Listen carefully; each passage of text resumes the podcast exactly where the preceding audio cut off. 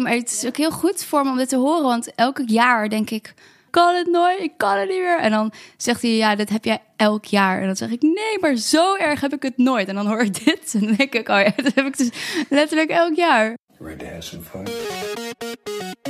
Let's do it. Hoi allemaal en welkom bij weer een nieuwe aflevering van De Makers. Ik ben Diede Vonk, zangeres en actrice.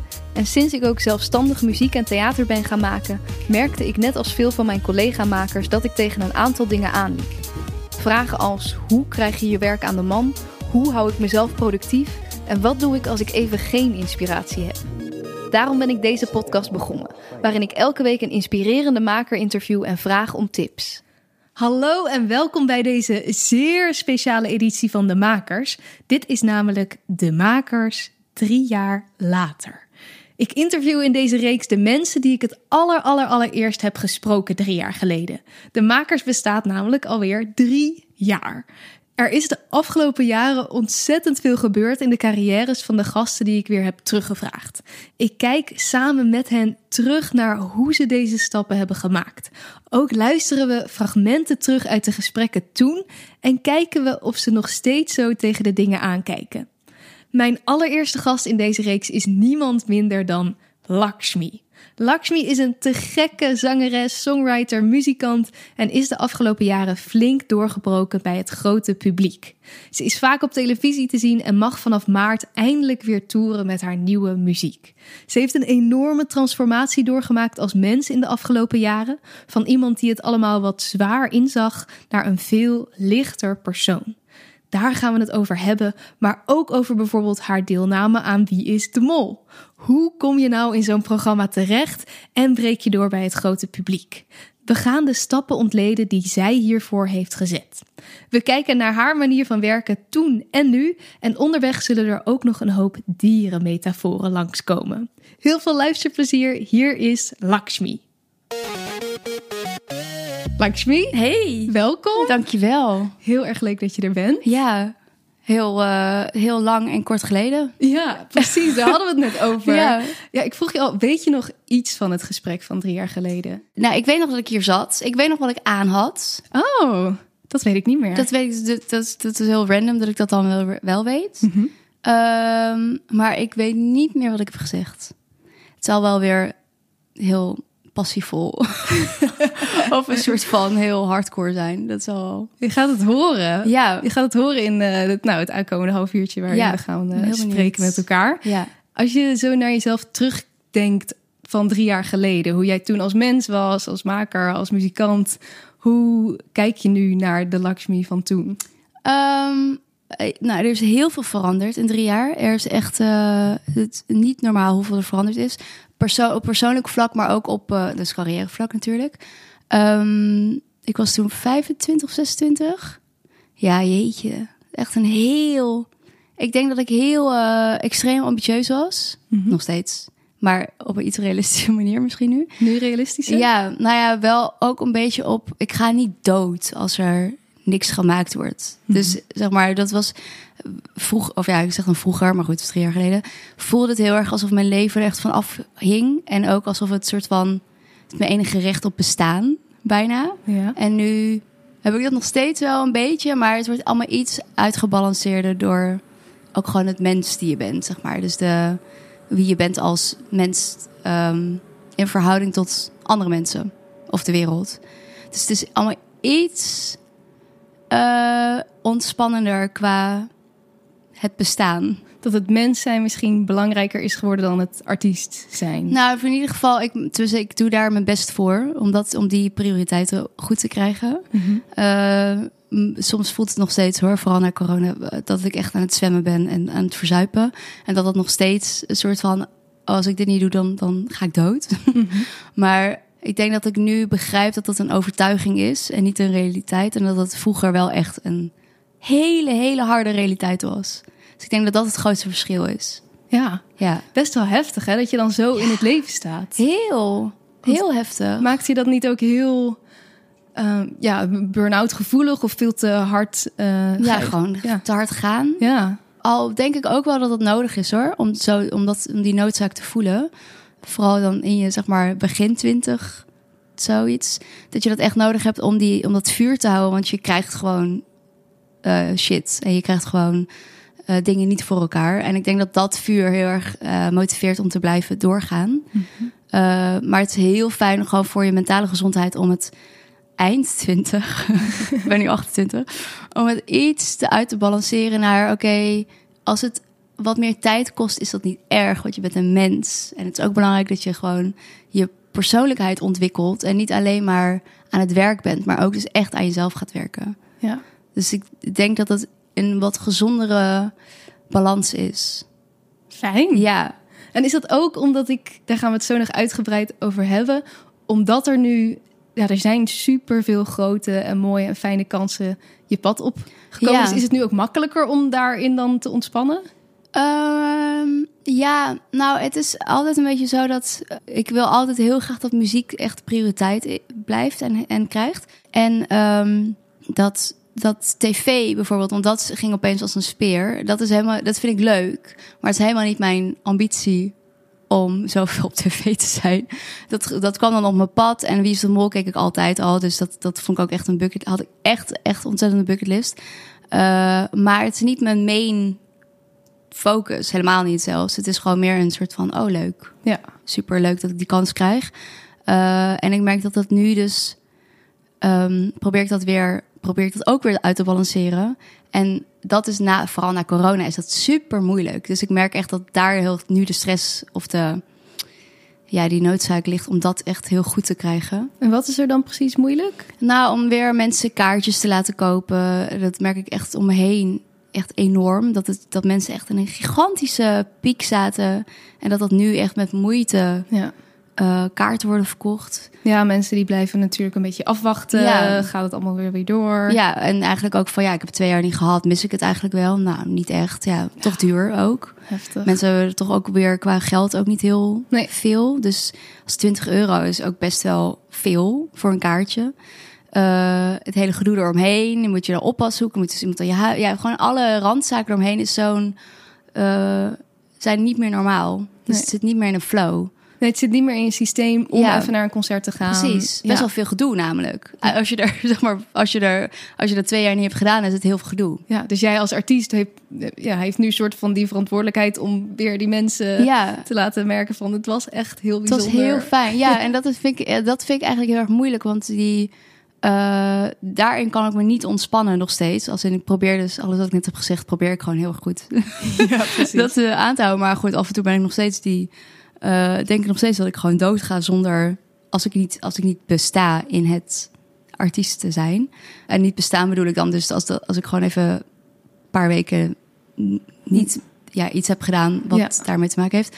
Eh, of dat het niet lukt. Maar het is, ja, het is een behoorlijk frustrerend ding om dan weer iedereen zo bij elkaar te krijgen in een zaal.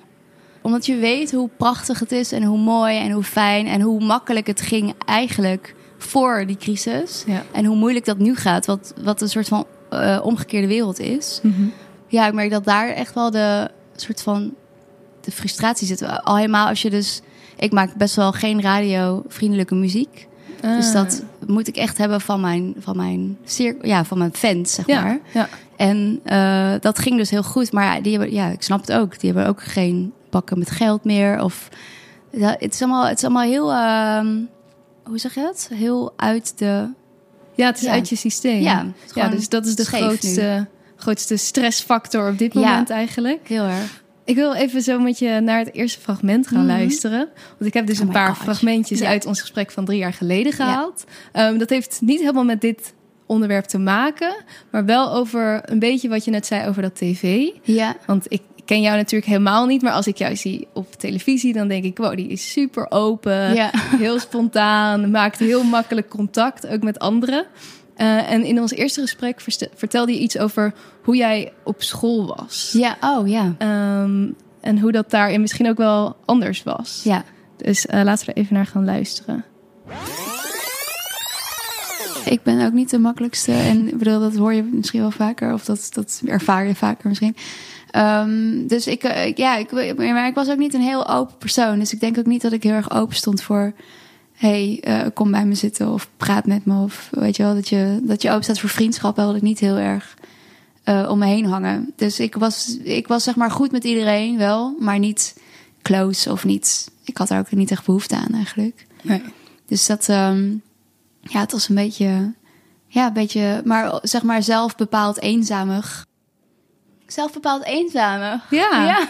Dat, dat zou ik zo niet verwachten als ik je nu zie. Nee, dat heb ik. Dat, dat is echt een. eh, dat, het lijkt heel schizofreen eigenlijk. Eh, want dat klopt, 100%. En ik heb, het nog ste- ik heb nog steeds een hele kleine cirkel van mensen. En die hou ik ook echt dichtbij me. Maar die, ja, ik hoef, geen, ik hoef niet meer vrienden. Behalve als dat dan toevallig natuurlijk ontstaat. Ehm, het is eigenlijk een, be- ja, een beetje wat ik daar ook zeg van... Ik kan op zich met iedereen goed omgaan. Ik ben wel heel alert op mensen. Dus alle signalen soort van ontvang ik bijna. Mhm. Eh, waardoor ik dus goed kan inspelen op bepaalde dingen. En ik vind het heel fijn om aardig gevonden te worden. Dus dan kan ik precies de goede...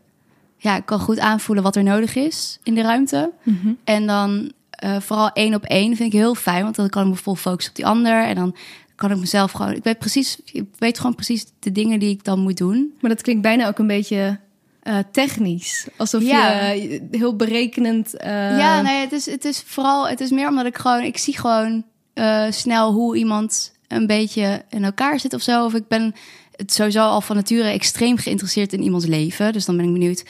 Dus dan ga ik heel veel dingen vragen. Mensen vinden het toch vaak fijn om over zichzelf te praten. Ik vind het ook fijn om over dat. dat iedereen. Ja. wel, ja. Dus het is heel fijn als er interesse wordt getoond. En daardoor kan ik ook wel met heel veel mensen omgaan. En ik ben gewoon eh, echt wel een stuk blijer geworden als persoon. Want ik was echt een paar jaar heel, heel eh, diep eh, down, zeg maar. En ik ben echt de afgelopen jaren super... Gewoon dat die, die betonlagen er als het ware afgeschraapt. Dus ik voel me ook veel opener, vrolijker en spontaner. Maar ja, ik heb dat, dat is echt nieuw voor me. Het is Ja. echt een, eh, echt een... Dat ik denk, oh, dit zat eronder. Oké, fijn. Ja, Ja. wauw. Maar dat is... eh, hoe, hoe heb je die betonlaag van je afgeschud? Eh, therapie, heel veel. Ja? Ja? echt jaren wel. Ik denk echt, ik denk vier, vijf jaar. En daar ben ik net mee afgerond, echt eh, twee weken geleden. Dus dat was voor mij echt een moment dat ik dacht, oké, fijn. Ik voel me ook echt een stuk beter. Eh, heel veel praten daarover, heel veel lezen, heel veel... Je moet willen, je moet zeg maar, je moet echt willen. Dus het is, voor mij was het echt dat ik dacht, eh, leuk en aardig, dit hele, dat hele soort van inge, ingedoken kleine, dat gevoel, zeg maar, dat hele zware gevoel. Maar ik, ik heb hier echt geen zin meer in om op deze manier 30 te worden, bijvoorbeeld. Ja. En dat was voor mij echt een, een, een moment dat zodra je wil veranderen, dan, dan dat is echt het begin. En wat was bij jou die trigger dat je merkte, ik wil, ik wil veranderen? Nou, gewoon heel. Ik voelde op een gegeven moment was alles zo afgevlakt. Dus de pieken waren. Ja, ik kon gewoon niet meer echt hardop lachen of zo. Het is altijd zo. hm, gewoon dat. Of eh, die diepe dalen, die vond ik dan wel lekker, want die kende ik. Dus daar kon ik dan lekker in zwelgen. Eh, kon ik natuurlijk ook heel lekker in schrijven. Ja. Eh, en ik merkte gewoon, ja, dat is, het is niet meer dat schrijven. Op een gegeven moment verveelde me ook, omdat ik dacht, ja, het gaat alleen maar over hetzelfde. Over al die donkere gedachten. en- Ja, en al die soort van bijna het slachtoffer van het leven. ja. En toen dacht ik echt, ja, ik heb hier helemaal, dit ben ik helemaal niet. Het is gewoon een Oh. rol die ik heb aangemeten.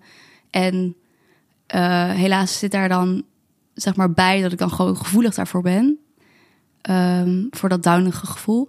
Dus ja, het, op een gegeven moment herken ik mezelf niet meer. Merkte ik ook dat ik, als ik dan met mijn beste vriendinnetje was, dat zij, dat ik gewoon niet meer om haar kon lachen. Dat weet je wel, maar dat lag dan allemaal aan mij. Dus op een gegeven moment dacht ik, ja, dit gaat hem niet, ik ga dit gewoon niet meer, kan niet. Nee. Ik heb helemaal hier helemaal geen zin in. Nee, dat is dan een soort imago misschien ook. Of het, het zit natuurlijk ook in je, maar Ja. misschien ben je er ook op een gegeven moment dan op gaan leunen. Ja, en dan wordt het echt. Dan wordt het steeds echter. En zo maakte ik me ook zor- zorgen. Want ik, normaal, ik ben best wel een enthousiast mens. Dus als ik iets zie, weet je wel, gewoon kleine details, dan kan ik daar heel enthousiast van worden. En dat was ook allemaal weg. Ja.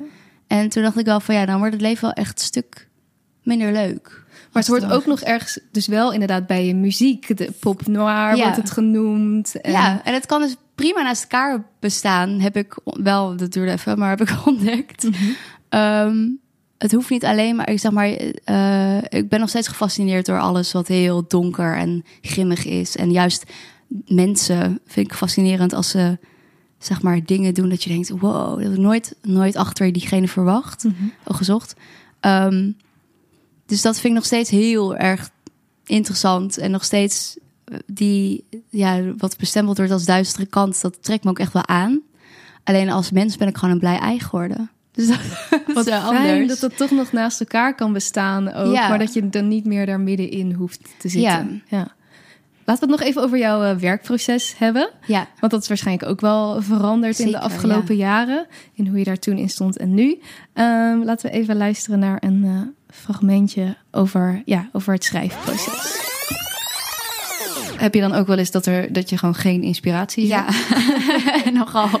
Ja, dat is wel echt. Ik heb het wel. Ik heb het, eh, vaak. Als ik met mensen ga schrijven, dan komt er altijd iets uit. Of ik daar dan blij mee ben achteraf, dan ja, dat is de vraag. Maar ik ben al blij dat er iets uit is gekomen. Ja. Eh, maar als ik alleen ben, dan eh, ja, god, dan kan ik echt gewoon, dan kan ik echt zwaar gefrustreerd achter die piano zitten en alles bij elkaar schelden en weer weglopen en weer een zin opschrijven en die weer doorkrassen, omdat iedereen gebruikt die zin, weet je wel. Ja, ja. En die, die- dat akkoord heb ik ook al in elk nummer. En dus dan is niks goed. Eh, maar zelfs dat is uiteindelijk wel vruchtbaar, heb ik het idee, omdat je je hersenen weer even in die stand zet of zo, Ja. of in die modus. En ik heb nu eh, april tot en met juni gewoon dagen geblokt eh, voor schrijfsessies of in mijn eentje. Oh, heel Dus dat goed. ik dat wel echt, echt drie keer per week Ja. aan het doen ben. ja, dat plan je echt eh, in. Ja, dat ik dus die dag niet, eh, oh, dan maar even gezellig naar koffie gaan drinken of zo. Ja, precies. Want die, die neiging is natuurlijk wel Ja, om heel hard weg te rennen.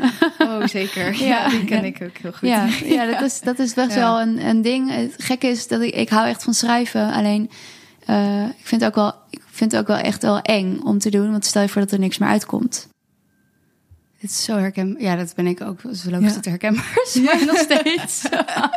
Ja, want stel je voor dat er niks meer uitkomt. Ben je daar dat- nog wel eens bang voor? Oh, joh, echt alleen. Maar het is ook heel goed voor me om dit te horen. Want elke jaar denk ik, oh, maar nu, dit is het. Dat was hem. Ja, oh, nu heb ik alles eruit ge... Ja, alle, en, dan, en dan Oh. zit ik weer met, met eh, mijn manager aan de telefoon. Dan zeg ik, kan het nooit, ik kan het niet meer. En dan zegt hij, ja, dit heb jij elk jaar. En dan zeg ik, nee, maar zo erg heb ik het nooit. En dan hoor ik dit. Dan denk ik, oh ja, dat heb ik dus letterlijk elk jaar. Ja, dus Ja. het is niet iets waarvan je op een gegeven moment een modus in vindt of zo. Of... Nou, ik in ieder geval nog niet. Ik zou echt...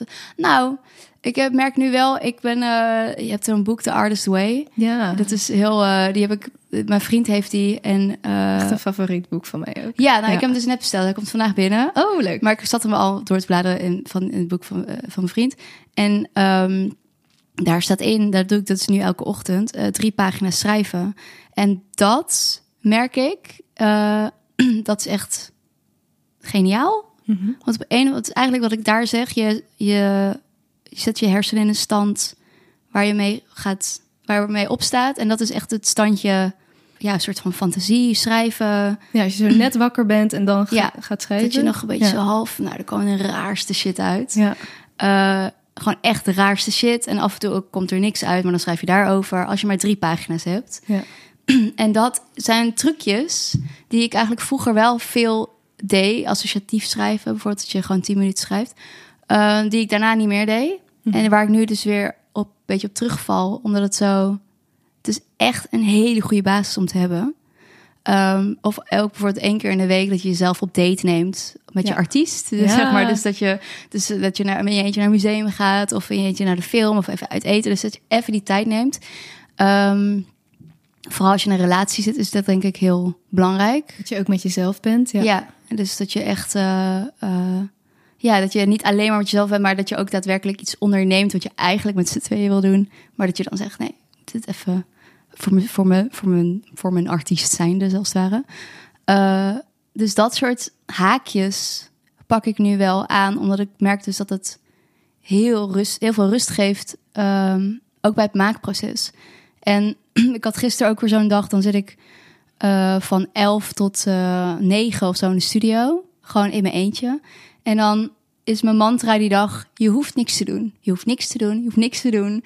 Eh, alles wat je nu doet is meegenomen, maar je hoeft niks te doen. En dat is echt echt, nou ja, cruciaal bijna. Omdat ik anders echt schreeuwend, soort helemaal uit frustratie in die studio zit, omdat het niet lukt. Ja, omdat je denkt, er moet nu een briljant lied uitkomen. Ja. En ja, dus echt die verwachtingen laag. Heel laag houden. En dan kan het al- altijd. En dan gaat het ook. En dan wordt het allemaal heel erg. eh, dat- ja, dan, dan gaat het wel. Het is gewoon allemaal mentale. Het is echt een mentale mindfuck shit show. gewoon grote, Ja. grote. Je moet jezelf echt voor de gek houden. ja, klinkt ook iets als die Lakshmi van drie jaar geleden... dat hij dat nog veel moeilijker had, Veel. ja, Ja, had gevonden. en het eh, heeft echt te maken met dat ik denk: oké, ik ver, nou ja, dat is nog steeds wel een angst hoor. Het verdwijnen. Een soort van. Maar straks verdwijn ik. Ja. En dan ben je niks meer waard of zo. Dat, dat was vooral de, de angst. En dat heb ik nu echt 100% nog steeds. Maar eh, inderdaad, ik geloof, ik geloof niet meer dat dat de waarheid is. Want wat is, wat is dan... Wat is het allerergste dat er kan gebeuren als... Ja, als je, jouw muziek niet meer wordt ge- gedraaid of... Dat ik niet meer kan spelen en zo. Ja, denk... ehm, dus, ja, het voelt dan een beetje alsof ik verschrompel. dus ik merk wel echt, want ik de behoefte om te, om te uiten en te maken, of het, een soort van het, al- mij, mezelf te uiten door muziek en door video's en door whatever ik wil gaan doen. Dat is zo een extreme noodzaak om te blijven leven. Dus dat is dan één. Maar goed, dat kan je altijd doen. Eh, maar dat gezien worden daarin is dus ook een hele grote noodzaak. Ja, want je kunt altijd inderdaad blijven zingen en maken... los van hoeveel dorpshuis. mensen Ja, precies. Ja, naar- luisteren. Ja, alleen dat gezien worden is dus net zo cruciaal, merk ik. Ja. En dat vind ik, dat vind ik dan heel lelijk aan mezelf. Want dan, weet je wel, dat is een beetje gênant bijna. Van, oh, ik wil weer gezien worden. Maar dat is zo'n... Ik begrijp nu wel meer waar dat dan vandaan komt. Wat de... Wat de ik geloof ook dat elke... Iedereen die optreedt, die heeft ergens een soort van kronkel of iets gemist. Waardoor die wil optreden. Ehm, om maar, ja, om een soort van iets te vullen. En ik vind het optreden heerlijk. Ik vind het heerlijk als iedereen gewoon stil is en naar mij kijkt.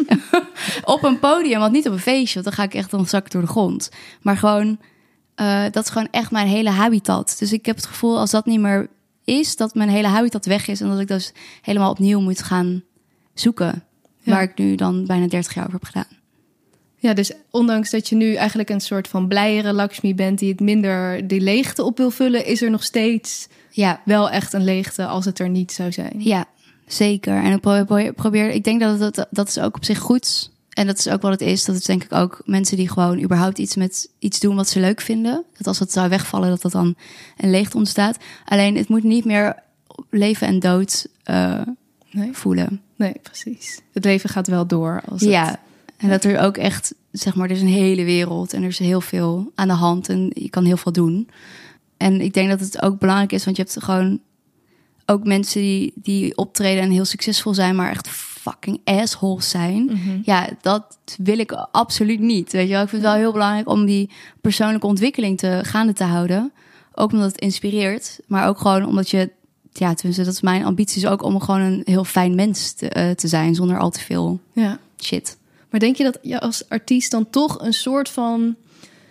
eh, het klinkt misschien te negatief, maar toch een soort van egocentrisme moet hebben Ja. van... Ik, ik, ik wil per se in die spotlight staan. Ik wil gezien worden. Ja, nou dat denk ik wel. Dat er een bepaalde soort van ja, narcistische kant aan zit. Alleen daar zijn dan artiesten denk ik weer te onzeker voor om narcisten te zijn. Dus dan veel hè. Dat Hm. is heel, heel Ja, soms kan het hand in hand gaan, ja. Ja. precies. Ja, dat, dat sowieso inderdaad. Maar ik denk dan wel dat er een bepaalde... Er moet een bepaald soort van deel van het ego zijn. Daarom is het denk ik ook heel belangrijk dat je niet gaat optreden op een gegeven moment met het idee van kijk mij, kijk mij, dit helemaal, eh, kijk naar mij, helemaal dat, zeg maar, dat hele aandacht. Maar meer een soort van, we zijn samen, ik geef jullie iets, jullie geven mij iets, het is een wisselwerking, we zijn hier gelijk in. Eh, ik vind het ook heel raar hoe mensen soms met fans omgaan, want dan denk ik echt, jij bestaat door die fan, dus beter, weet je wel, een soort van worship je die fan in plaats van andersom. Ja. Dus dat het heel erg gelijkwaardig is. In plaats van jezelf erboven zetten. Of eronder. Maar ja, vooral erboven. Want je wil wel dat iedereen naar jou kijkt, dat jij een soort van het middelpunt bent. Ja. Maar tegelijkertijd moet je dus wel respect houden voor dat die mensen dat dan doen. En, Ja, en, en het feit, zeg maar, ook dat je iets komt brengen. Dus niet dat je alleen maar een trucje op kon voeren en dan je aandacht hebt ge- gepakt en that's it. Maar dat je echt, daarom, ik vind het heel fijn om voorstellingen te maken die zo persoonlijk zijn en zo ook naar de andere kant, zeg maar, dat het bijna meer geven is dan nemen. Ja. En, maar het feit dat zij daar zitten en zij geven jou aandacht, is dat dan, dat is dan de, de wisselwerking. Maar dat je eigenlijk alles geeft. Dus dat je echt heel, ehm, ja, gewoon dat, dat, dat je bijna gewoon helemaal met elkaar in een soort van sessie zit. Dat, dat gevoel, dat Ja. vind ik het fijnst. Ja, en dat is ook zo het belangrijke van het live meemaken. Dus- ja, echt. Ja, dus mensen moeten weer gewoon gaan komen kijken. Ehm, ik wil nog één ander fragmentje laten horen over dat werkproces. Ik ben benieuwd of je daarin veranderd bent. Ik vind in de muziekwereld vaak dat je een beetje met van die ego, egootjes te maken hebt. En dat je vaak, eh, dat ik me vaak, zeg maar, als er iemand heel erg aanwezig is in de studio, dan klap ik vaak dicht. Dus dan ga ik niks meer zeggen en dan denk ik, oh ja, ik wil naar huis. Laat me met rust. Heb je dat nog steeds? Ja, nou ja, nou, ja. Nou maak ik alleen maar muziek nu met mensen die ik ken en die ik heel, heel fijn vind. Ehm, waarmee ik eigenlijk bijvoorbeeld met mijn producer Thijs hebben wij bijvoorbeeld een hele dag en dan zijn we de eerste vier uur alleen maar aan het praten en alleen maar boeken en oh ja, heb je dit gezien, heb je dat gezien, of zo. Tof. Echt stukjes documentaire, gewoon helemaal in op hetzelfde golflengte en dan gaan we muziek maken. Dus met muziek heb ik dat nu getackeld, omdat ik dat gewoon niet meer doe. Ja, Eh, met mensen met een grote van aanwezigheid. En, maar ik merk wel op tv heb ik dat extreem. Want je weet vaak op tv niet met wie je ergens zit. Mhm. En als daar dan iemand naast me zit met een soort van... Ik weet niet, het voelt een beetje als zo'n hond die dan... Zo, als je twee honden hebt en, eh, en het lijkt goed te gaan... maar één hond die heeft een hele andere energie dan de andere... dan wordt het toch altijd, uiteindelijk gaat dat, weet je, botsen. Zo voelt het. Dus dat Ja. ik dan een soort van of heel geïrriteerd kan raken... of helemaal dichtklap. Mhm. En dan ben ik ook niet meer, dan vind ik mezelf ook niet meer leuk. En dan denk ik, oh mijn god, er staan zes camera's op me. Eh, het soort van, het, ik trek gewoon, ja, ik weet niet wat het is. Zo'n soort van energie die er dan hangt, die ik gewoon niet, eh, die gewoon clasht. Ja. Dat is het. Dus ik heb dat nog steeds. Maar ja, ik probeer dat een beetje zo te. Af en toe is het ook gewoon heel vermoeiend. Want ik gewoon ja, want je hebt dus niet altijd die controle over wie er opeens Nee. naast je zit in een eh, programma. Nee. En ja, hoe, hoe deel je daar dan toch mee? Eh, niet. Ja, gewoon Dan- het vast doorheen gaan. Wat, Ja. ja. en dan gewoon daarover. Ik, ik heb echt, ik bedoel, ik ben de laatste tijd heel veel talkshows geweest om te praten over eh, dat seksuele overschrijdend gedrag, maar ook over dat vertelde ik dus. Dat is eigenlijk ook wel een beetje. Het slaat hier ook wel een beetje op. Ja. Dat er zo'n mannen zijn in de studio die een soort van enorme ego's en een soort van dingen meebrengen met zich. Dan klap ik dus dicht. Maar ik heb mezelf ook wel aangeleerd om in dat soort situaties heel hard en koud en afstandelijk te zijn. Wat ik dan weer heel kwalijk vind, want zo ben ik helemaal niet. Ja. Eh, dus om jezelf dan zo in bochten te wringen om maar een soort van jezelf veilig te stellen. Ja. Ehm, dus dat kan ik dan nog wel eens doen. Maar in talkshows heb ik dat ook. Ik bedoel, dan zit je in een talkshow en dan denk je echt... Wat de fuck doe ik hier? Omdat het zo... Omdat er dan iemand tegenover of naast of whatever je zit... dat je echt denkt, ja, dit... dit Ja, ik vind het wel een heel interessant iets. Wat je inderdaad ook. Dat gaat inderdaad ook over dat eh, overschrijdende gedrag. Dat Ja. je jezelf misschien een bepaalde houding aanmeet. Omdat je denkt, Ja. dan ben ik veilig en Ja. sta ik niet te veel open en kwetsbaar. ja, goud trui aan, hop, gewoon alles zo constant aanpassen. Ja. En dat vind ik zo, dat is, dat, daar ben ik een beetje mee gestopt. Ehm, want dat deed ik heel veel. Dan ging ik echt, als ik dan naar schrijfkampen ging, ging ik echt in een soort van mega, soort van super shabby, weet je wel. En heel hard en heel afstandelijk en heel gewoon niet mij. Om maar een, een soort signaal, om naar, ja, om vooral niet de verkeerde zogenaamde signalen af te geven. En dat is, ja, dat, dat merk wel dat ik daarmee ben gestopt. Omdat ik echt denk dat als ik een verkeerd signaal zogenaamd afgeef, dan is het echt jouw probleem.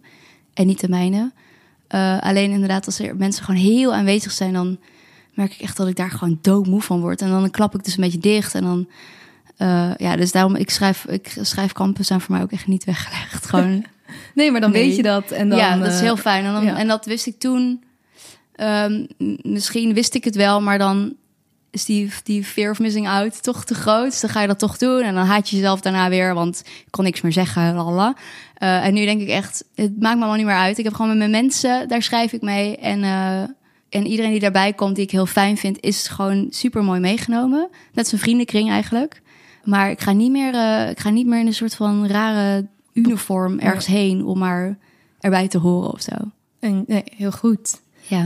Um, nou, we hebben het daar net ook al over dat de afgelopen drie jaar echt ontzettend veel gebeurd is. Oh my god.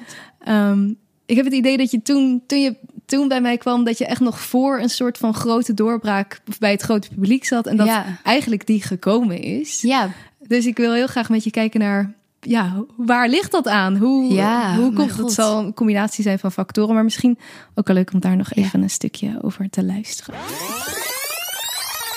Ja, in hoeverre denk je sowieso dat eh, een succesvolle muzikale carrière geluk is? En in hoeverre ja, hard werken? zo eng. Ehm, nou, hard werken denk ik sowieso. Vooral in deze tijd. Je hebt niet meer dat romantisch... Tenminste, volgens mij heb je niet meer dat romantische... dat je ontdekt wordt. En dat je dan alles hier, weet je, alles wordt voor je geregeld. Ik denk niet dat het nog bestaat. Nou ja, soms als iemand opeens viral gaat of zo. Ja, dat, dat- heb je wel Daar natuurlijk. word ik dan ook heel jaloers van. Ja? Is echt verschrikkelijk. Oh, dat snap ik wel, ja. Want ik gun het wel, iedereen. Mhm. Tenminste, ik doe mijn best om Ja. iedereen alles te gunnen. Maar ik word daar zo jaloers van.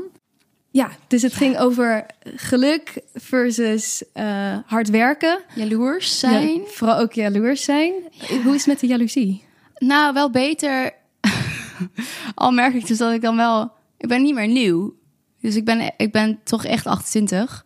Eh, en er komt nu weer een generatie aan die, die ik trouwens super vet vind. En ook qua teksten dat ik echt denk, yes, gewoon echt power. Ja. Vooral die chicks. Ja. Ehm, maar goed, die zijn er dan. En dan eh, kan ik echt daarnaar kijken en denk ik, oh fuck, fuck, fuck, fuck, ik moet opschieten. Oh nee, dat. Eh, dus ik ken dat wel. Jaloers, dat hele, dat is er wel een beetje af, maar paniekerige niet. Eh, en ik, heb, ik denk altijd, oké, je moet altijd gewoon... Als een paarden, zeg maar, racen, dan hebben ze oogkleppen op... omdat ze anders afgeleid worden door andere paarden. Dat is nu mijn tactiek. Gewoon oogkleppen op, wat betreft eh, andere mensen om je heen, zeg maar. Ehm, of artiesten om je heen. En gewoon gaan. Gewoon 100% je eigen koers varen. En daar ook niet twijfel, gewoon vol met je head first erin. Dus daar niet over twijfelen of ook niet denken, oh, maar misschien moet ik dan dit doen, want dat is dan nu wat, nou, weet ik veel, populairder of iets. Dus dat je gewoon echt, echt 100% je eigen koers vaart. Merk wel dat dat namelijk zijn vruchten afwerpt. Misschien op iets langer termijn, maar wel eh, in ieder geval is het duurzaam. Eh, want dat merk ik. De afgelopen drie jaar is er natuurlijk inderdaad heel veel gebeurd. En het, dat is het fijne aan tv en muziek, als dat samengaat. Dat je hele. Want ik maak best wel. Ik vind het heel toegankelijk, maar mensen vinden het vaak on, of ja, niet heel radiovriendelijk commerciële muziek. Helemaal niet zelfs. Maar als ze jou als persoon dan leren kennen en ze klikken door naar je muziek en dan haken ze daar ook op aan, dat is natuurlijk fantastisch. Ja. En dat is de afgelopen drie jaar gebeurd. ja, ze hebben jou echt als mens leren kennen natuurlijk via Wie is de Mol en Ja. eh, weet ik veel wat allemaal. En dan zijn ze ook geïnteresseerd in de muziek. Ja, en dan is het heel fijn dat dat blijkbaar dus toch resoneert met een grote groep mensen. Ja. Eh, zonder dat het resoneert met een radio of met een. Het is allemaal niet heel eh, vrolijk of standaard of soort van poppy. Eh, en dat maakt het zeg maar moeilijk als je dan. Als je het echt daarvan moet hebben om een groot publiek te bereiken. Maar het, blijkbaar resoneert het wel zodanig dat, het, eh, dat mensen gewoon aanhaken. En ook daadwerkelijk naar je shows komen en gewoon helemaal.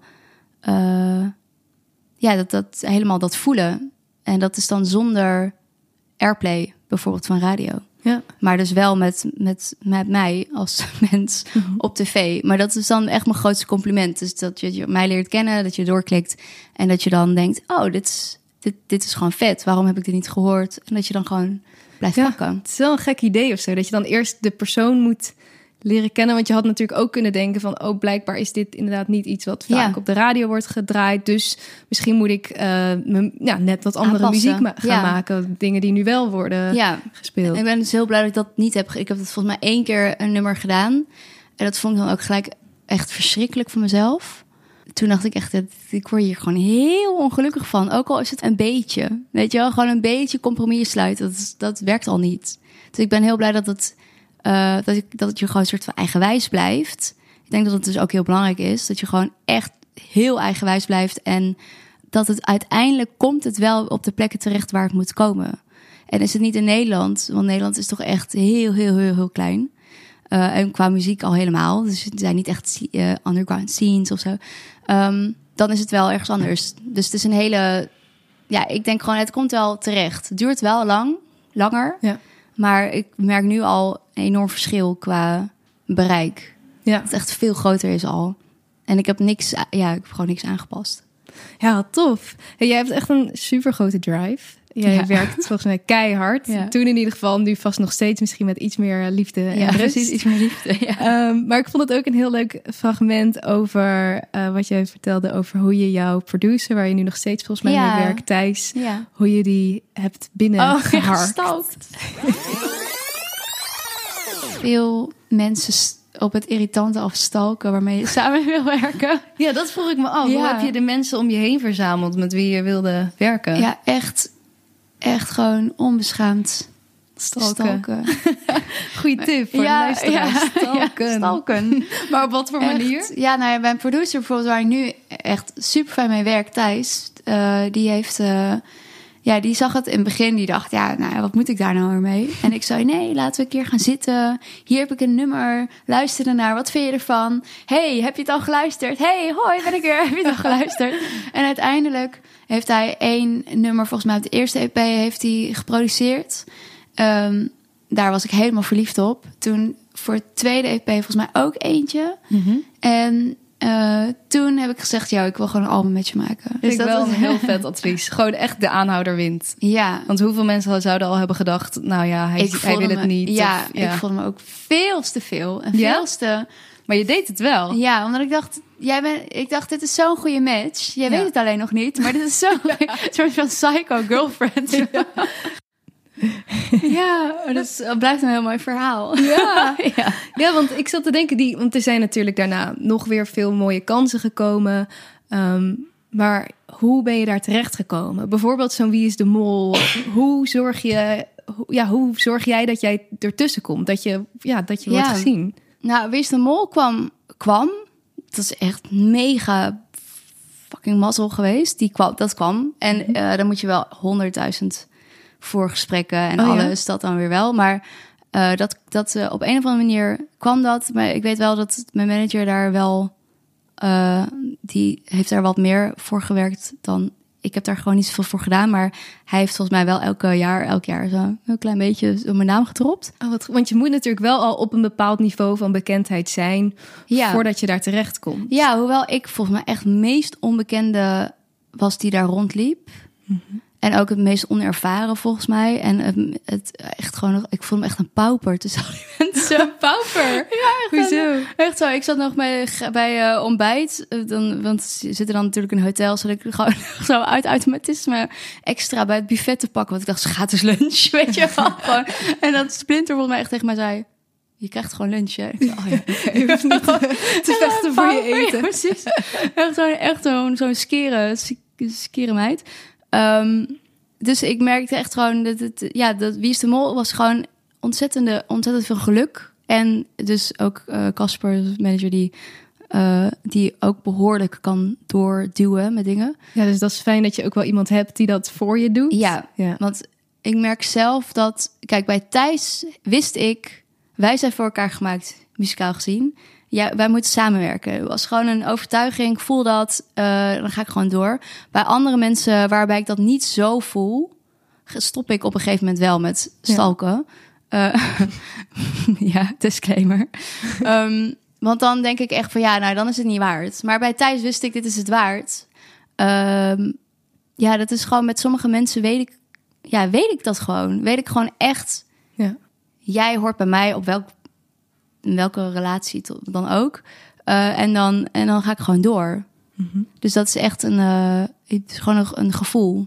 Dat Ja. ik denk, ja, dit, is- dit, dit klopt, dus dit moet, dit moet gewoon gebeuren. Met tv-dingen heb ik dat gewoon minder, behalve ja, bepaalde dingen die ik echt heel tof vind. Maar daar zit niet zo'n, ja, wie is de vond ik echt wel vet. Maar er zit niet, niet, dat was misschien dan, dat was dan vergelijkbaar als het ware met Thijs. Ja. Dus dat ik daar, dat, daar zou ik gewoon elk jaar mee willen doen. Gewoon, Want is er gaan. voor jou een soort vinger op te leggen op, de, op het moment waarvan je merkte... hey, nu, gebeurt er wat. Nu, Nee, ik denk nog steeds niet. Eh, nog steeds heb ik het idee dat ik net ben begonnen en dat ik net kon kijken en dat ik net ja? echt ja, heel, heel vermoeiend ergens. En ook heel, ook wel, ja, ook wel goed misschien. Ik weet het niet. Ik merk dus natuurlijk dat opeens dingen wel effect hebben. Dus als ik iets op Instagram gooi, dat het dan ook op nu.nl kan staan. Nou, dan lag ik me echt helemaal dood, omdat ik echt denk... Ja, want ik denk dat je toen een paar duizend volgers had. Nu zit je over de Ja. 30. Ja, het is echt... Het is, ja, dat is, dat is een hele rare gewaarwording. Juist omdat het online is, dus heel ongrijpbaar. Je hebt geen idee wie je allemaal volgt. Je hebt denk ik ook heel veel mensen die gewoon ja, dat ooit hebben gedaan. En op een gegeven moment ook denken, oh ja, dat is die, dat is die vrouw weer. Weet je wel? Want er zullen heel veel mensen zijn die denken... ja, zij is doorgebroken. En weet je, het komt op tv veel. Ja, heel veel. Maar ja dat, ja. dat denk ik zelf soms ook. Dat ik denk, hè, maar waarom, waarom ik daarin ook? Ja, het voelt een beetje als soort van dat ik denk, oh, dan is nu dit dus de baan, zeg maar. Dus dan is dit nu een part of the job. En dat doe ik dan ook en dat vind ik leuk. Uh, maar die, ja, ik ben nog steeds echt heel erg hetzelfde qua als, vooral als ik dit nu hoor.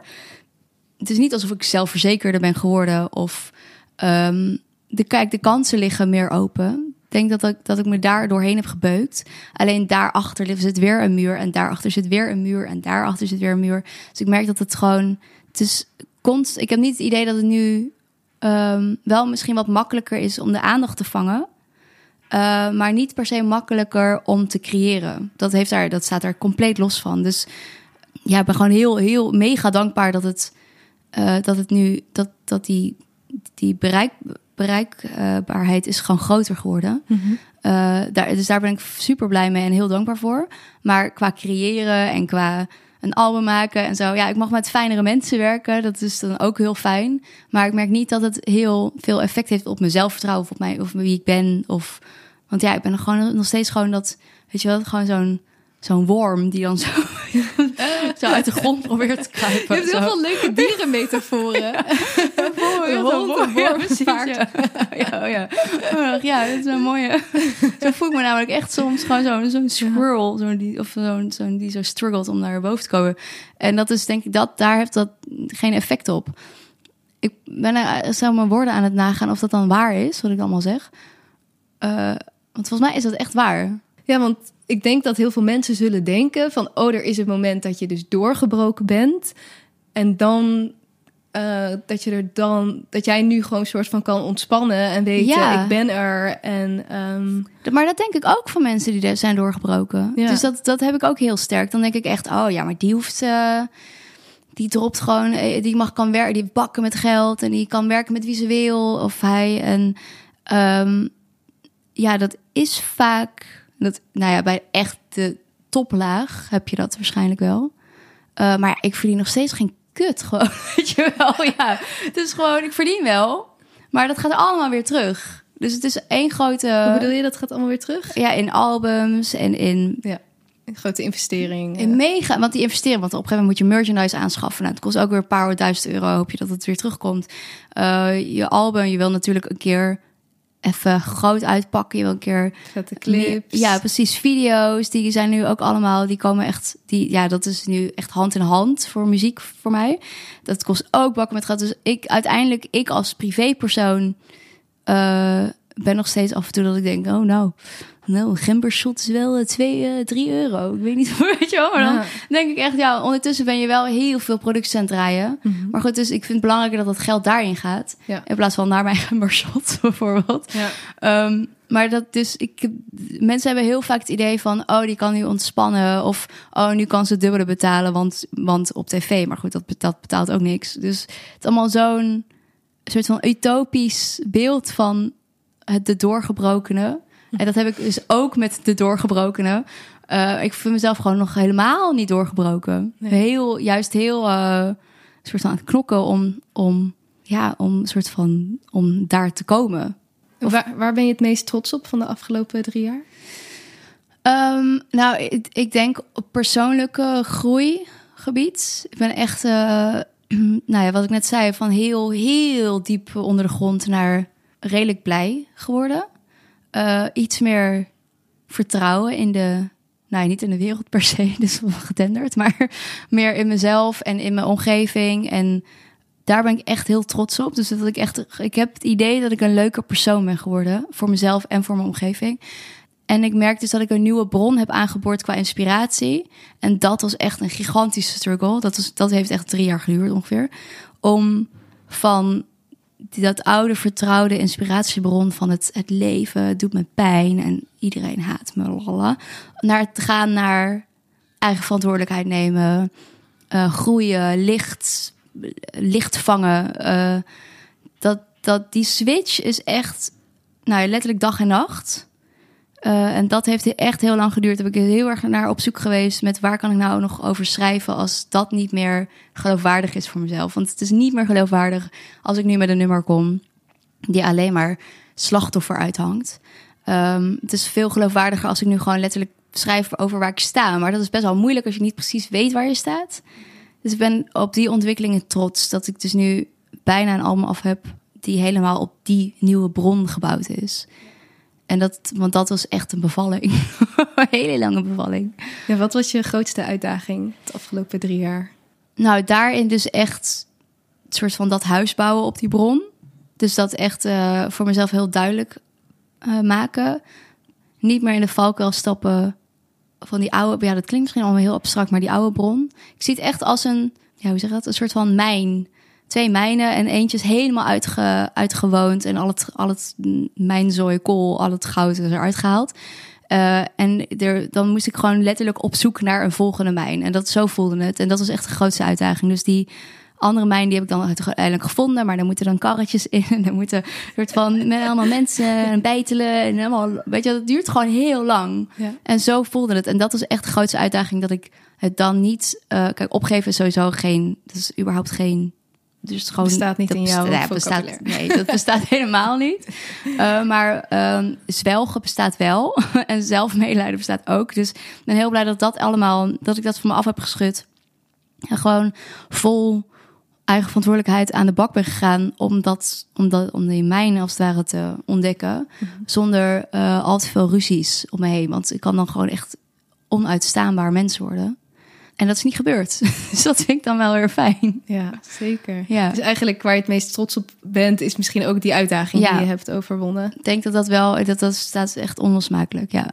Zijn er beslissingen geweest de afgelopen drie jaar waarvan je nu denkt, die had ik niet moeten nemen? Bepaalde programma's, denk ik. Welke? Ja, gewoon van die. ja, nou ja, Ik snap het hoor, als je het niet ja, kan zeggen. Ja, dat ligt Nee. een beetje. Maar wel, ik, wel, waarvan ik dacht later van, dit is geen toegevoegde waarde at all. Ja. Maar dan, dan deed ik dan toch even voor de huur betalen. Mm. Gewoon eventjes. Omdat ik dan, ja, dan, ik bedoel, ik verdien natuurlijk helemaal geen fuck eh, de coronatijd. Eh, Ik heb tegenwoordig ook een segment in de normale afleveringen waar we het hebben over faalmomenten. Waar je nu misschien ook kan lachen. Dingen, ja, dingen waarvan je denkt, oh, dat, dat is gewoon Ja. misgegaan. nou, ik heb, hier, ik heb echt 40 nummers of zo afgeschreven. Dat ik echt dacht, Afgeschreven als in ja, niet ja. klaar. eh, Gewoon weg. eh, oh nee, ik bedoel, nee, niet afgeschreven. Nee, Nee. inderdaad afgeschreven. Ja, weggegooid. Hele map vol. En dan denk ik, ja, misschien was dat iets te rigoureus. Oh, je hebt echt ook, je kan er niet meer bij. Ja, maar. aantal heb ik dan nog bewaard waarvan ik dacht, mm, klein, heel klein mapje. Maar ik heb heel veel echt eh, in een soort van haatmoment weggegooid. Van die oude mijn weg eh, dichtgemaakt. echt dat. En, ja. Gewoon dat je er niet meer... En, da- en daarvan denk ik wel, dat is ook zonde. Gewoon, Ja. je hoeft het niet weg te gooien. Dat was echt te radicaal. Maar dan was ik zo geïrriteerd op mezelf... dat ik dacht, ah, moet allemaal, allemaal weg. Eh, daar heb ik wel een beetje spijt van. Ja, en fa ja, falen, dat, dat, daar lach ik dan dus nu ook weer om. Dat ik gewoon denk, er komt niks meer uit. Dat is, is gewoon niet waar. Nee, dat denk is dat gewoon niet dat, waar. eh, Ja, is gewoon niet waar. Ja. Dat moet je jezelf Dat misschien toch blijven vertellen. Ja, precies. Elke keer luister ik deze weer en dan hoor ik mezelf zeggen, het is niet waar. Ik Laat zal je is elk jaar even dit fragment weer Heel graag. Ja. Hey, eh, we moeten een beetje gaan afronden. Dus Ja. ik wil even naar het laatste fragment. Ik vraag op het einde altijd naar een soort advies... wat je hebt voor Oh andere makers. En dit was het advies wat jij... eh, gaf. De meeste artiesten in Nederland die breken pas op hun dertigste door. Rond hun Oh, dertigste. wijs. Dat wil zeggen over 30, dus 30 plus. Dat was voor mij een soort van rampscenario, want ik voelde me al oud toen ik acht was. dus dat, was, dat is voor mij nog steeds een rampscenario, want ik ben daar nog lang niet. Nou, jij bent nu 25? Ja. Ja. Maar en, en ik ben nog lang niet in de hele, oh, uitverkochte tour, uitverkocht dit. Oh, kijk, mij gaan. Helemaal niet. Voor mijn gevoel zelfs verre van. En ik vind het dan, als ik dan even reflecteer hoe snel het allemaal is gegaan, is dat ook wel eens goed. Ehm, dus mijn advies is: heb alsjeblieft geen haast. Ja. Ga niet domme dingen doen alleen maar omdat je out there wil zijn. Ga niet dingen doen waar je, waar je niet achter staat. Breng geen muziek uit waarvan je denkt: mm, oké, want het blijft voor eeuwig bestaan. Ja. Eh, en eh, heb gewoon dat het uit mijn mond komt. Heb geduld. heb echt wel geduld, maar ga wel gewoon eh, als een soort van als een soort van tunnelvisie erin en blijf er ook Ja. gewoon in geloven, want het is natuurlijk heel makkelijk en ik begrijp ook 100% als mensen denken, yo, fuck dit, ik word hier niet gelukkig van, want dat snap ik. Eh, maar je moet daar even doorheen. En gebruik dat ook. Heel grappig, heel grappig om dit te horen. Ehm, vooral tunnelvisie, dat dat me, dat, dat Ja. ik daar, ja. Dat is echt een, eh, dat is, ik sta daar nog steeds achter, maar dat ik daar toen al wist dat je zeg maar geduld moest hebben en dat je op je dertigste, ik vergeet dat. Ja. Behalve als je me dat soort dingen vraagt, dan komt er allemaal hele wijze dingen uit.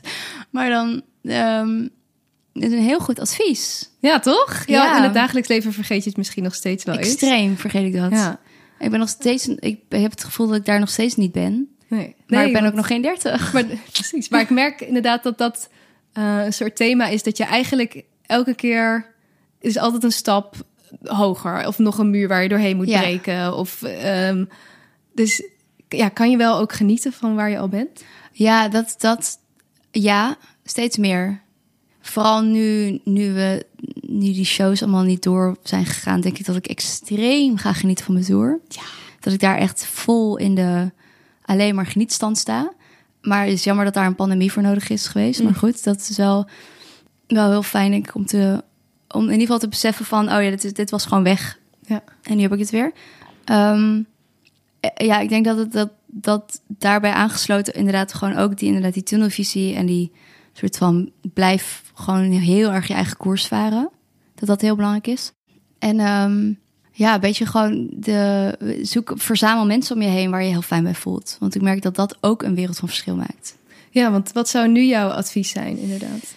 geduld. Ook, ik ben helemaal eens met mezelf. Ehm, laat je niet afleiden door andere, inderdaad, andere, anderen. Gewoon. Eh, laat je allemaal niet vertellen wat je, wat je wel en niet mag maken. Eigen koers blijven varen.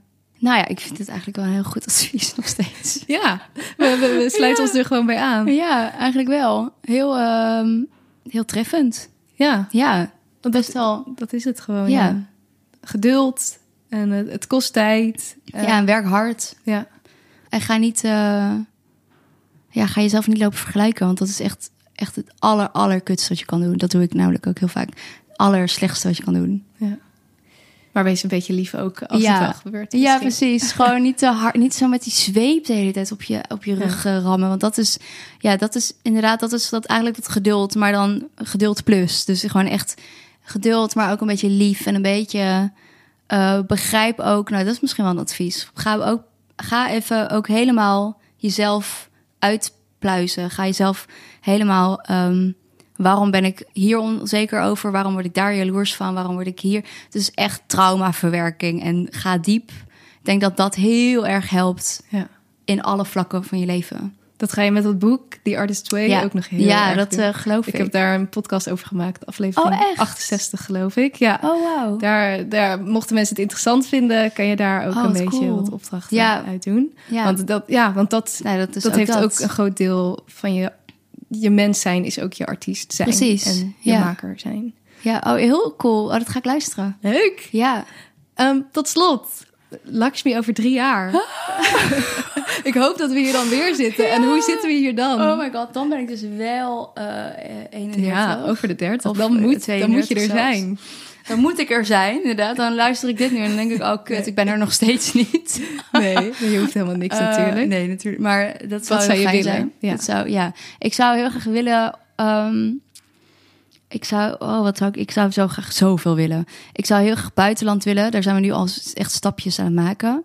Ehm, merk ik toch echt dat ik heel, heel gelukkig ben. Het meest gelukkigst eigenlijk als ik uit dit land ben. merk ik echt Oh, ja? alles. Ja, gewoon, ja, het is gewoon een. Ik weet niet wat het is. Het resoneert gewoon Een beter. bepaalde landen of Ja, nou ja, met, met, kijk, qua natuur is natuurlijk, daar, ben- daar ben ik heel blij mee. Maar met muziek ook. Het- Ik heb daar nog niet genoeg ervaring mee. Maar de reacties nu al van pluggers zijn al enthousiaster dan ik ooit in Nederland heb gekregen. Wauw. Dus qua, ja, qua genres of zo denk ik dat het daar beter past. Ja, misschien ook nu een tijd dat mensen daar klaar voor zijn. Of, eh, Ja. ja. En eh, dat Nederland toch het altijd gezellig wil houden. En dat dat gewoon voor mij niet heel ja, handig is. Ja. Ehm, ja, de nummers zijn niet heel gezellig. Dus eh, Eh. wereldoverheersing. Ja, wereldoverheersing. eh nou, in ieder geval optreden. En gewoon op de me- meest ehm, zoveel mogelijke manieren. Dus en heel graag theater wil ik blijven doen. Heel graag poppodia blijven doen. Heel graag festivals doen. Heel graag kelder, nachtelijke rave, whatever. Gewoon, ik wil gewoon alles. Al- Musea heb ik laatst opgetreden. Vond ik ook Oh. fantastisch. Dus juist al die verschillende plekken. Ja, dat vind ik echt gek. Eh, gewoon een keer gewoon vol eh, dat je. Ik ben altijd heel jaloers op mijn vriend bijvoorbeeld. Die verkoopt gewoon ehm, binnen drie seconden shit uit. Wauw. Dan zit ik altijd zo. Dat wil ik. Wie, wie is jouw is vriend? 36, of eh, 34 bedoel ik. Oh. Eh, eh, Eloy eh, van Kensington. Dus dat Ah. is ook, wel- er ook een lange weg te gaan geweest. Maar die, zeg maar, dat wil ik eigenlijk ook. Dat je gewoon lekker, oh, de tour gaat nu in de verkoop. En dat het gewoon binnen zoveel minuten is uitverkocht. Ja, dus dat dat eigenlijk misschien ook wel dat financiële stukje en het minder stress over Ja. zo moeten trekken aan Ja. mensen. Kom nou. Ja, kijken. dat zou, ik heel, dat zou ik heel fijn vinden over drie jaar. Ja, en ik mag, ik mag niet, niet klagen nu, maar dat doe ik dan toch een beetje. Je mag alles. Ja. Je mag, mag altijd iets nog te wensen zijn. Ja, toch? nou ja, dat is wel echt een, eh, gewoon die dingen. Ja, Cool. ja. Eh, heel veel dank dat je hier wilde zijn. Thanks. Ehm, ik wil iedereen oproepen om lekker naar je muziek te gaan luisteren. Er komt binnenkort ook een soort korte film uit Ja. bij jou. Bij All I Know. Dat is, eh, Wanneer kunnen we dat gaan zien? dat komt, moet ik het goed zeggen, 14 maart eh, is de première daarvan in de bioscoop hier in Amsterdam, Lab 111. Eh, 16 maart is een screening daarvan in Rotterdam. En daarna eh, gaat hij op filmfestivals, eh, als het goed is. Hoop ik.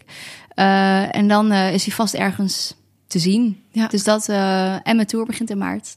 Precies, allemaal komen kijken. Dus inderdaad, het is zo fijn en belangrijk voor artiesten om niet één dag van tevoren je kaartjes te kopen, maar gewoon heel graag nu al. Heel graag. Eh, Vooral nu, nu. Want ja. nu, is, nu is het echt zeker. Dat Precies, nu weten we Ja. gewoon, het gaat lukken. Dus begrijp je kans, pak het kaartje.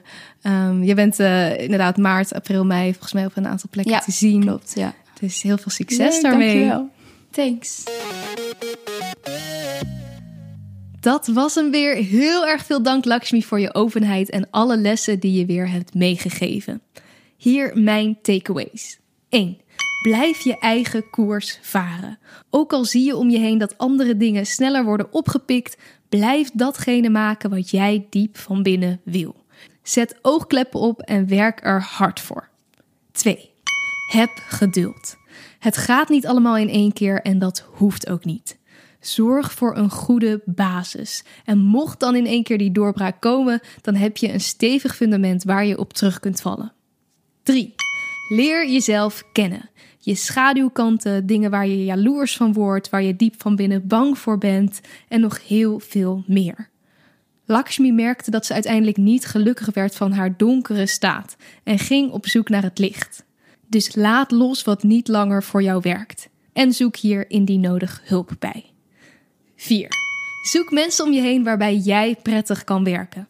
Mensen waarbij jij floreert en volledig jezelf kunt zijn in je makerschap. Natuurlijk duurt het soms even voor je dit vertrouwen met iemand hebt opgebouwd, maar zorg dat het gevoel vanaf het begin goed zit. Heel veel dank voor het luisteren en heel veel dank aan Lakshmi. Ik vind het ontzettend leuk om te horen als jullie luisteren. Dus tag me op social media als je lekker aan het luisteren bent of deel deze aflevering met een vriend of vriendin. Ook kan je de podcast sponsoren via patch.af slash de makerspodcast of via een tikkie op demakerspodcast.com slash downloads. En hier krijg je een hele hoop leuks voor terug. Waaronder een e-book met alle opdrachten uit mijn solo-podcasts, een e-book met honderden, honderden tips, een lijst met hoe en waar je subsidies aan kan vragen en 40 inspiratievideo's van eerdere gasten. Tot de volgende keer en ik wens je in de tussentijd heel veel maakinspiratie toe. Vond je dit een leuk gesprek? Abonneer je dan op de podcast en volg de Makerspodcast op Instagram en Facebook. Delen of een recensie achterlaten is super fijn en laat het me vooral weten als er gasten of vragen zijn die je graag terug hoort in de podcast. Volgende keer staat er weer een bijzondere, inspirerende nieuwe aflevering voor je klaar. Deze podcast werd gemaakt door mij, Diede Vonk. De mixage is door Sonja Vos en de muziek is van David Schwartz. Tot volgende keer!